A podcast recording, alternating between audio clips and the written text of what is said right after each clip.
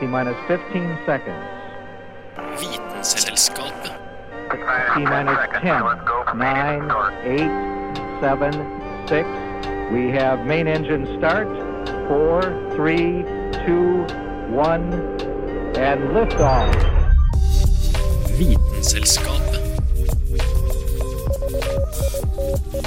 Vitenselskapet på Radio Nova.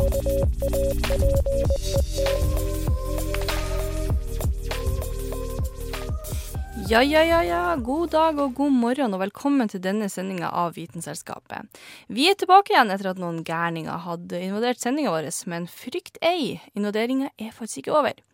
I dagens sending skal du få lære litt om planter som eh, ikke kjenner sin plass. Du skal få lære om eh, parasitter, ting som invaderer oss fra verdensrommet, og sist, men ikke minst, så skal vi ha dinohjørnet.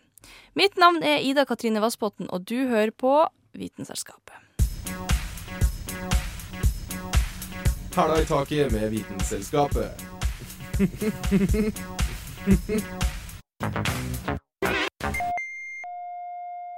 Nå skal du få høre om en plante som ble planta som en god tanke, men som kanskje ikke funka så godt som den tenkte. Lupin overtar. Om du noen gang har kjørt langs en av Norges mange motorveier, har du kanskje lagt merke til de vakre blålilla eller rosa blomstene langs veien. Disse plantene kalles lupiner og ble plantet av Vegvesenet for noen år tilbake. Tanken var å pynte opp langs veikanten, men det Vegvesenet ikke var klar over da de valgte å plante akkurat disse blomstene, var at de er svært truende for mangfoldet av både planter og dyr. Lupinen er opprinnelig fra Nord-Amerika og er en hageplante på rømmen som ble hentet til Norge for nesten 200 år siden. Grunnen til at det ble akkurat denne planten Statens vegvesen bestemte seg for å tilføye i frøblandingen deres, var at den tar opp nitrogen fra luften og gror svært lett i næringsfattige områder, slik som veikanter f.eks. Lupiner er veldig levedyktige, og frøene kan lagres i minst 50 år før de tar skade. Så det er en omfattende jobb å bli kvitt planten.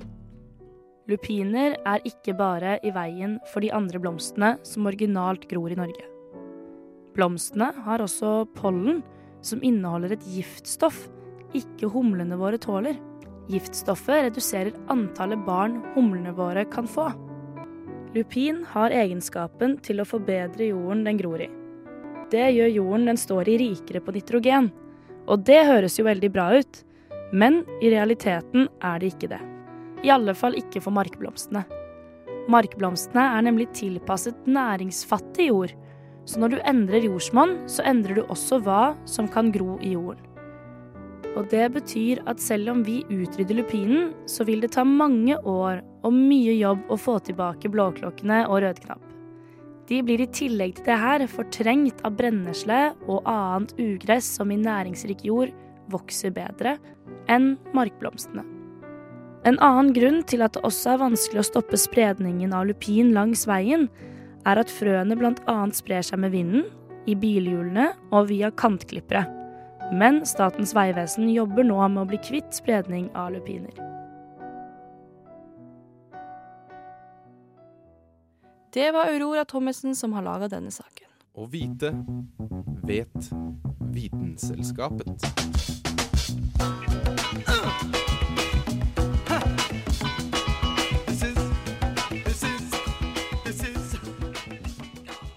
Det er ikke alle invasjoner som kommer oss til gode. Noen kan til og med være dødelig. Parasitter er et eksempel på denne typen invasjoner, og de får du høre mer om nå.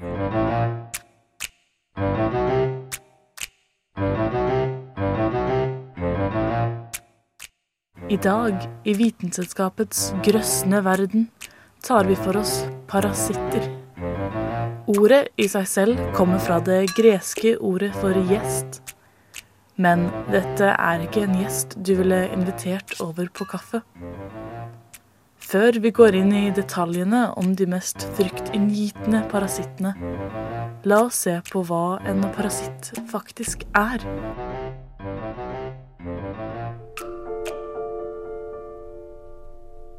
Ifølge Vitenselskapets hellige skrifter, som så klart er Store norske leksikon, har vi to typer parasitter. Utvendige og innvendige. Det de begge har til felles, er at de er avhengig av enhvert organisme som de kan utnytte. Parasitten suger til seg næringsstoffer fra verten, som kan bli ganske ødeleggende i lengden.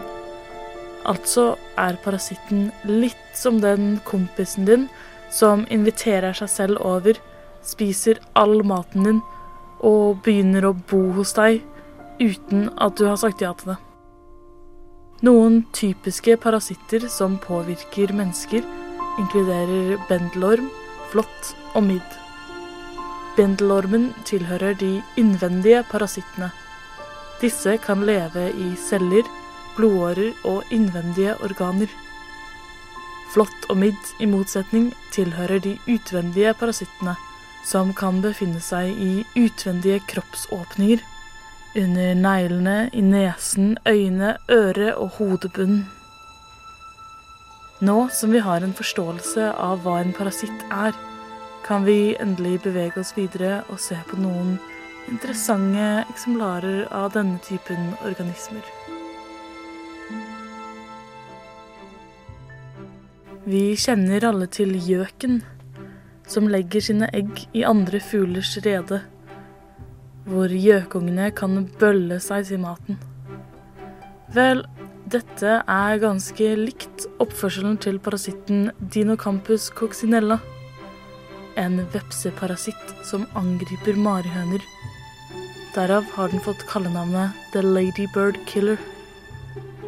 Marihønenes flekkede utseende fungerer som advarsel for byttedyr, noe som dessverre gjør dem til et perfekt rede for denne vepsen. Gjennom et lite velplassert stikk klarer vepsen å legge igjen et egg inn i marihøna. Når egget endelig klekkes og vepselarven kommer ut, må den først tygge seg ut av innvollene til marihøna, før den kommer ut av magen og lager en kokong mellom bena til marihøna. Men dette er ikke slutten på historien. Marihøna er nå en slags vekter for kukongen, og vil beskytte den med kroppen sin om et byttedyr nærmer seg. Til tross for den traumatiske opplevelsen har studier vist at rundt en fjerdedel av marihønene overlever angrepet.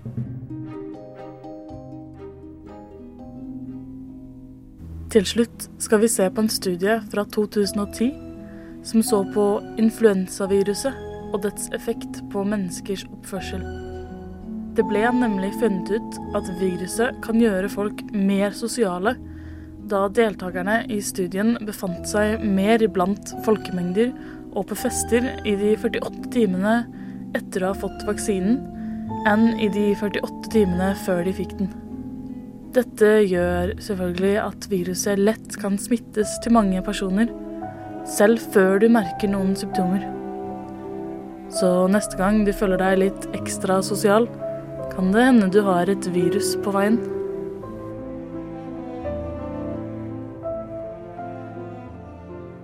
I 2017 døde 435 000 mennesker verden over av malaria, så gjør den til den mest dødelige parasitten og en av de største dødsårsakene i verden.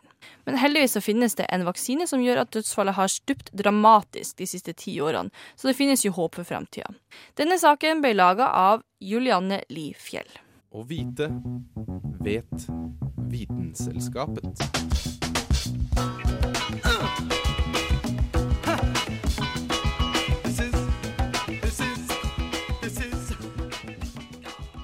Nå skal du få høre ei spennende historie om ei plante som har kommet til dette landet fra det o store utland. I et mørkt og kaldt kott, gjemt dypt inne i Miljødirektoratet, ligger Norges farligste liste. En liste man for all del vil unngå å havne på. For er du først havna på den, fins det ingen mulighet for å bli tatt av igjen. Det vil si, for du og alle dine frender er tatt av dage. Renset fra faunaen utryddet uten nåde. Det er den norske svartelisten.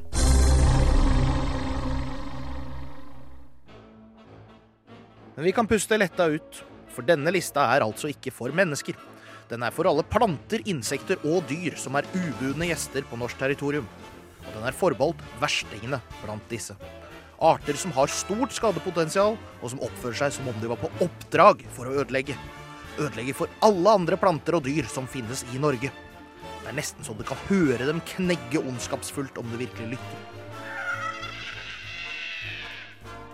Eller, de kan nok ikke noe for det. Disse artene oppfører seg bare som de alltid har gjort, og de har stort sett funnet veien til våre kyster og marker gjennom å bli tatt med av mennesker. Folk som ikke har tenkt seg om. Sjanseløse typer som har vært på tur til Asien eller Amerika og har tenkt at 'nei, så fin du var, da. Du hadde gjort deg i Norge', tenker jeg. Naboen blir nok misunnelig nå, ja. Og slik begynner altså vår fortelling i dag, som skal handle om en av disse artene. Nærmere bestemt ved Mack-familiens sommerhus på Elvebakken i Tromsø. For leit nok skal vi ikke meske oss i skummende ølbrygg. Denne produksjonen ødela ikke Nanna Sabine Mack, men for Miljødirektoratet kunne hun like gjerne ha gjort det. Nanna giftet seg inn i den bryggeglade familien på 1800-tallet, og på det som mest sannsynlig var en tur til England, fant hun seg en plante som hun syntes var så fin. Hvem som hadde tatt med til England igjen, blir en annen historie, for planten har røtter tilbake til Iran. Denne brakte hun så hjem til sommerhuset på Sør-Tromsøya. Og i 1800-tallets overdådige borgerskapsselskap ble bysvennene overveldet. Denne måtte de ha. Selv ordføreren utbasunerte stolt at denne måtte opp på torget. Og slik ble Tromsøpalmen til, og spredd. Plantet rundt omkring i Tromsø til glede for folk og fe. Men det tok ikke så lang tid før man forsto at Tromsøpalmen ikke var i humør til å nøye seg med det. For Tromsøpalmen er villedende nok heller ingen palme. Den er en bjørnekjeks. Og som sin artsfrende og invasjonsvenn, kjempebjørnekjeksen, er den både fremmed i Norge og giftig. Med brenneslelignende symptomer om du gnir deg inn med saften dens og rusler ut i sola. Hvem som fant ut av akkurat det, sitter jeg ikke med noe fakta på. Det ville i hvert fall ikke vært min første innskytelse å gjøre. Men jeg mistenker det er noe en viss Nanna Sabin kunne ha funnet på. Tromsøpalmen har en lang, grønn stelk og flere sånne hvite blomster på toppen. Den ser egentlig ikke sånn spesielt fin ut, hadde du spurt meg. Og du sjøl har garantert sett den, eller noe som ligner. For øvrig blir den over 50 år gammel, og oppfører seg like aggressivt som Russland på Krim. Nylig ble den oppdaget på full fart innover Møre og nå jobbes det på spreng for å finne våpen som tukter den. Problemet er at planten er så hardfør at den er vanskelig å få bukt med. Så nå diskuteres det både å bruke kjemiske våpen og den brente jords taktikk. En småbruker i Nordmøre har uttalt på trykk i lokalavisa at det er på tide at myndighetene handler. Og etter mitt bekjentskap står våpnene klare. Det eneste som gjenstår, er at noen i direktoratet trykker på den store røde knappen. Og det er grunn til å tro at dette ikke er langt unna.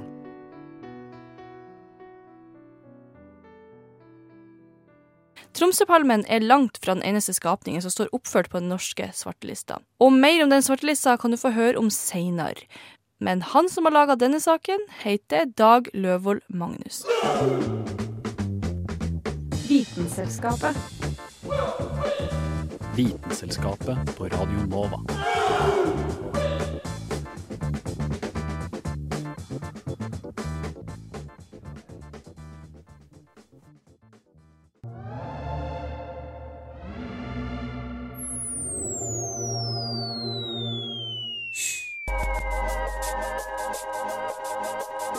Visste du at i 2001 ble The Human Genome Project fullført?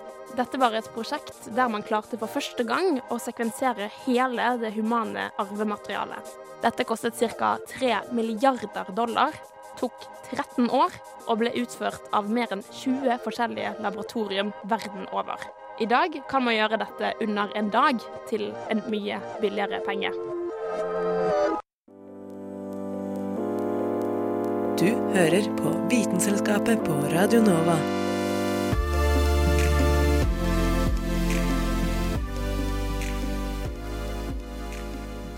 Det skjer altså invasjoner her på jorda hele tida, i litt ulike former.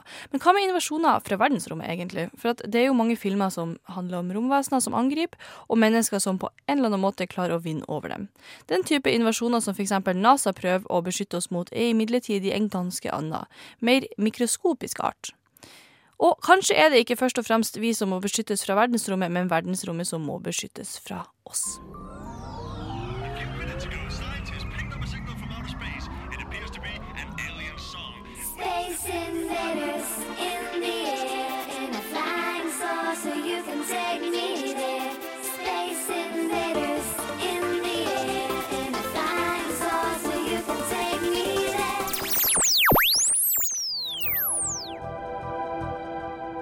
Så vidt vi vet, er jorda den eneste planeten med liv. Så hvorfor er vi så redde for å bli invadert fra verdensrommet? Det er mye større sjanse for at vi kommer til å invadere andre planeter, om vi vil eller ikke. Kontakt med andre himmellegemer er nemlig veldig risky. Vi mennesker, og alle andre her på jorda egentlig, er vandrende bakteriebomber som kan gjøre mer skade på det lokale ekstraterrestrielle miljøet enn en atombombe har gjort på vår egen planet. Det er umulig å forutse hvilke følger det kan ha om mikrober fra jorda på en eller annen måte klarer å overleve på f.eks. Mars. Det er faktisk et stort problem for utforskningen av verdensrommet, og noe man har diskutert helt siden 50-tallet. Det finnes internasjonale avtaler om at man ikke skal forurense andre planeter, og NASA har en egen avdeling kalt NASA Office of Planetary Protection, som prøver å beskytte vår og andre planeter mot kontaminering. Deres jobb går bl.a. ut på å finne metoder for å holde sonder og annet utstyr helt rent, både når de drar ut og om de kommer tilbake til jorda. Det finnes ulike grader av risiko, og å sende robotiserte sonder til steder der vi anser det for umulig for noe å leve, er klassifisert som ganske trygt. Men hva om vi f.eks. sender en sonde til Mars, og den lander på noe is, som deretter smelter pga. varmen fra motoren, og skaper forhold som egner seg for liv? Én ting er at vi kan ødelegge Mars fra et forskningsperspektiv, men vi kan også påvirke den naturlige utviklinga på planeten. En helt annen ting er hvis vi faktisk gjør alvor av planene om å lande på Mars selv. For å sikre at romdraktene ikke bærer med seg noe som helst spor av fremmede stoffer, må metodene for å rense romdraktene bli bedre enn det de er i dag. Nå finnes et slags vibrasjonsutstyr som rister draktene, men de klarte ikke å riste av liksom-romstøvet i en test. Framtidige Mars-boere må kanskje gå inn i en luftsluse og plugge drakta inn i en høyspentkontakt, som kan skape en elektrisk spenning som kan løfte av støvet. Det forskes med andre ord mye på hvordan vi skal klare å holde to verdener fra hverandre, i det minste hos NASA. For det er jo andre aktører som også ivrer for romreiser, både andre land og kommersielle aktører. Skal vi være helt realistiske, tror jeg at eh, vi må innse at det er en nesten umulig oppgave å la være å invadere andre planeter. Vi har jo tross alt en temmelig dårlig track record når det kommer til å la være å invadere ting.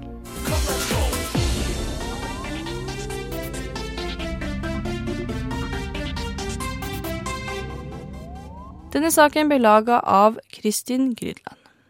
There's hydrogen and helium, then lithium, beryllium, boron, carbon everywhere, nitrogen all through the air with oxygen so you can breathe. Du hører på Vitenselskapet på Radio Nova. Magnesium, aluminium, silicon, phosphorus, then sulfur, chlorine, then argon, potassium, and calcium so you'll grow strong. Scandium, titanium, vanadium, and chromium, and manganese. Aurora er tilbake for å fortelle om resten av plantene på den beryktede svartelista. Fremmedartslista, tidligere kalt svartelista, er en oversikt over de fremmede artene som utgjør høyest økologisk risiko på naturmangfoldet i Norge. Artene på fremmedartlista er de artene som er vurdert til kategoriene høy risiko og svært høy risiko. De kan være så vakre og fargerike og fristende de bare vil.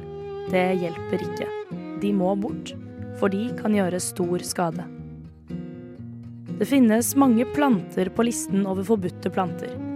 Der noen av dem trives best langs kysten, mens andre trives best i nord. Felles for dem alle er at der de trives, sprer de seg raskt og til ulempe for sårbare, stedegne arter. Noen av navnene på listen av blomster vi må unngå å spre, er rynkerose, kjempebjørnekjeks, tromsøpalme, lupin og kjempespringfrø. Men hva skal en hageeier gjøre om hun finner en av disse på sin egen jord? Du kan ha disse hagerømlingene i egen hage, men de skal holdes innenfor ditt eget gjerde. Det er ikke lenger mulig å få kjøpt noen av disse plantene, og det er ikke lov å dele plantene med andre for utplantning andre steder. Men om du ønsker å bli kvitt disse plantene, skal forbudte planter ikke kastes i komposten, men de skal faktisk kastes i restavfallet ditt hjemme. Eller leveres til et gjenvinningsanlegg. Absolutt verst av alt er om du kjører planterestene over veien med trillebår eller dumper de rett over gjerdet. En bitte liten rotbit kan være nok til at planten sprer seg.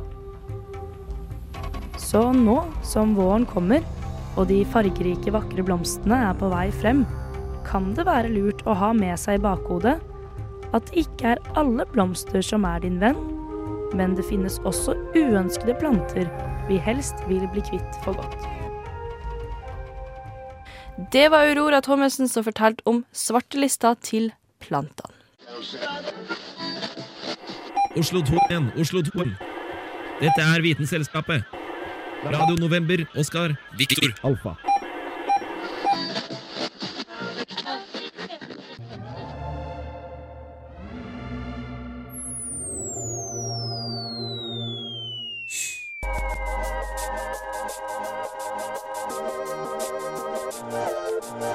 Visste du at mange pattedyr har et penisbein? Man vet ikke helt hvorfor, men forskere tror at penisbeinet gjør det lettere for hannen å manøvrere inne i hunden. Og også at det kan bidra til å holde på ereksjonen slik at samleiet kan vare lengre.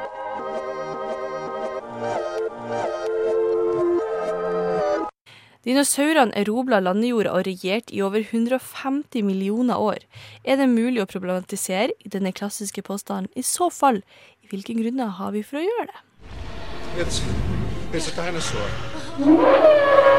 The previous rulers of our planet, the dinosaurs, reigned for 150 Dino DNA. Clever girl. Really spectacular. Spared no expense. Dag Dramers dinohjørne. Spared no expense.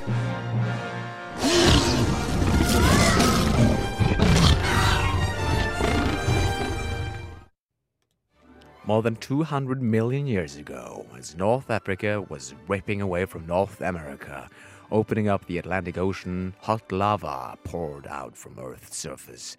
The lava, enough to more than cover the United States, created inhospitable conditions for most life, except the dinosaurs. Dette er et eksempel på det som kan bli sett på som en forholdsvis vanlig introduksjon til en tekst om dinosaurenes enevelde på jorda. Jeg mener, da dinosaurene regjerte Nei, da dinosaurene fullstendig dominerte landes... Nei, um, nei, da dinosaurene herjet med sin veldige og totale overlegenhet over alt det andre livet på jorda. Em, la oss roe oss ned her. Da en dyregruppe kjent som dinosauria var høyst utpregede på det som da var jordens landmasser, og hadde inntatt de fleste av de biologiske nisjene komplekse, aktive dyr kan innta. Det var bedre. Det er på mange måter helt riktig å hevde, som man jo gjør, at dinosaurene dominerte landjorda i over 150 millioner år, før de berømt nok ble fullstendig og mest sannsynlig dramatisk utryddet av det som er kjent som The Cretaceous Extinction Event, en massiv hendelse mot slutten av krittiden som sendte dinosaurene for evig inn i prehistoriebøkene. Det som er vanskeligere, er å problematisere vitenskapsjournalistikkens konstante og vedværende trang til å antropomorfisere, glorifisere, romantisere og dramatisere urtidsøglenes regjeringstid. Nettopp fordi det er langt lettere å huske setningen 'skrekkøglene dominerte landjorda' enn 'den vellykkede og varierte dyregruppen dinosaura' hadde i løpet av noen titalls millioner år inntatt de fleste terrestriale biologiske nisjer. Det første er mer dramatisk og minneverdig, det siste er mer korrekt, men kjedeligere. I tillegg til vitenskapsjournalistikkens kanskje nødvendige sens sensasjonalisering, er det også det at mye av litteraturen om dinosaurene i det offentlige rom er knyttet til barn. Og da er det selvfølgelig viktig å både forenkle og gjøre det spennende. Og et tredje siste punkt bør også nevnes. Og det er at paleontologi må få økonomisk støtte. Og da hjelper det å male dinobildet stort for å få oppmerksomhet. Når dette sagt er det vanskelig å unngå noen fakta som gjør at dinosaurene forblir spennende. Og blant dem er det faktum at de var de rådende landlevende virveldyrene i så mye som 150 millioner år. Det er nesten umulig å komme med en beskrivelse av dinosaurene som unngår det faktum. Som tidligere nevnt var dinosaurene uhyre, pun intended, varierte i sine mange former, og levde også i alle slags habitater. Fra de kjøligere til de varmere på landmassene i dag som er Antarktis, til iguanodonspor funnet på Svalbard, og gigantiske spinosaurskjeletter funnet i Egypt. Dinosaurene kunne være så små som dagens fugler, mikroraptor, eller så store som Argentinosaurus, som kunne bli opptil 25 meter lang og veie så mye som 100 tonn. Da mikroraptor og Argentinosaurus hører til samme dyregruppe, kan vi snakke om enorm variasjon. Med andre ord er det slik at selv hvis vi ser bort fra barnelitteratur, sensasjonalisme og vitenskapsjournalistikk, så forblir dinosaurene påtvingende imponerende gjennom deres åpenbare biologiske avtrykk på planeten. Deres kompleksitet, variasjon og utbredelse. Men hvordan endte de opp med å dominere? Litt av grunnen ligger i deres fysiologi, altså deres kroppsstruktur og biomekanikk, for å si det på fagspråket. Alle dinosaurer har komplekse hofter og benstruktur som tillater bena å være direkte under kroppen, i motsetning til andre reptiler, noe som gjør dinosaurene langt hurtigere og fleksible. Dette var en av grunnene til at de kunne legge bak seg store avstander på kort tid, og da alle landmassene på jorda var samlet i et stort superkontinent, Pangea, kunne dinoene fritt vandre over jorden. En annen grunn er deres biokjemi, for mye tyder på at dinosaurenes hurtighet også lå i det at deres kropper ikke var vekselvarme, kaldblodige som reptilene, men snarere nærmere pattedyr, eller i hvert fall mesotermiske. Dette betyr at de fleste dinoene var nærmere fuglene enn reptilene, også i væremåten. Men dinosaurene døde jo ut, mest sannsynlig grunnet den berømte asteroiden som traff Mexicogolfen, kanskje kombinert med voldsom seismisk og vulkansk aktivitet. Det var med andre ord ikke dinosaurenes evolusjonshistorie i seg selv som førte til nedfallet, men snarere moder jord som sa nok er nok, på tide med noe radikalt nytt. Nå er det en del som også tyder på at dinosaurene fikk sin inntogsmarsj ved at vulkansk aktivitet i det som kalles den slutt-triassiske periode, gjorde at enorme rom åpnet seg for dinosaurenes voldsomme appetitt. Dinosaurene tok sin sjanse da deres forgjengere døde ut, akkurat som vi gjorde det da de møtte sitt endelikt for 66 millioner år siden. Og kanskje våre evolusjonære etterkommere gjør det samme når vi, Homo sapiens, har takket for oss? Og det var Dag August Schmedling Dramer som hadde laga denne saken. Vitenselskapet. Vitenselskap. Vitenselskapet. Vitenselskapet. Vitenselskapet. Vitenselskapet.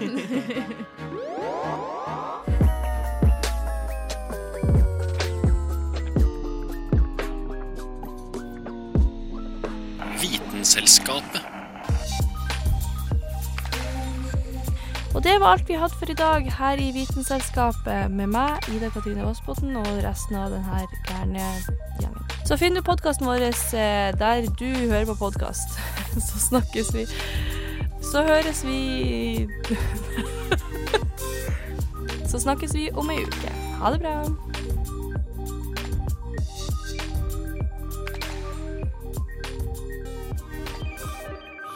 Vitenselskapet.